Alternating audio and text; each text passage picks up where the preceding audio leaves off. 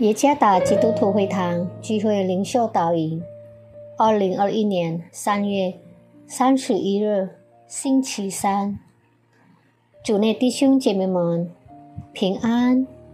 今天的灵修导引，我们会借着圣经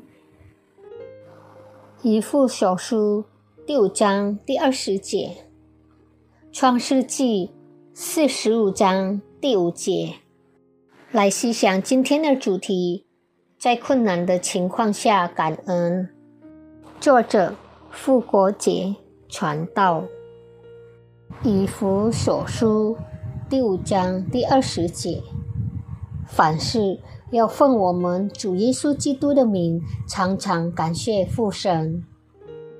创世纪四十五章第五节：现在。不要因为把我卖到这里自忧自恨，这是神差我在你们以先来，为要保全生命。有一天，一个会友说：“今年将是艰难的一年，经济下跌，新冠肺炎疫情仍然流行，挣扎和挑战继续在我们的生活中出现。别说感恩。”就是要生存也很困难。也许因新冠肺炎疫情使我们经历了困难时期，我们也会像这位会友这样说。在今天的领袖中，我们要看约瑟的生活例子。约瑟是一个全心全意爱上帝的人。有一天，当他在波提法的家中工作时，波提法的妻子勾引他，然而他做了什么呢？他的确做了上帝看为正的事。他拒绝了诱惑。创世纪三十九章第一节到二十三节，他不得不接受一个不愉快的结果。他被诽谤，并被囚入监狱。这不是一件容易的事。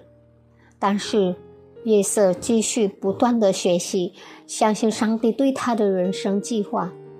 在创世纪四十五章第五中，约瑟说：“上帝先将他送至埃及，并允许所有坏事发生，但最终为的是带给雅各家族好处和保护。”约瑟可以看到。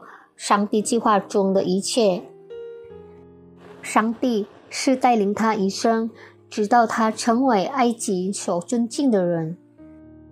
即使经历了人生中不容易的各种挣扎，月色仍然可以感恩。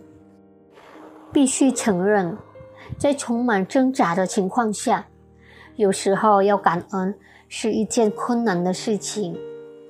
当生活美好，并感受到上帝的祝福，我们很容易献上感恩。但问题是，当我们努力去过美好的生活，却仍然感受不到上帝的祝福，是否还能过献上感恩呢？灾难临到，困难来临，失去所爱的人。在这种情况下，我们可能谢恩吗？上帝没说，如果我们感恩，我们的问题将得到解决，我们的生活将会变得美好。人的一生总会有问题，这是事实。但是如果在问题当中我们能感恩，我们的内心感受就会有所不同。确实。问题仍然存在，但不再掌控我们的生活。作为信徒，我们经常在感恩这件事上失败，因为我们只看面临的困难和问题。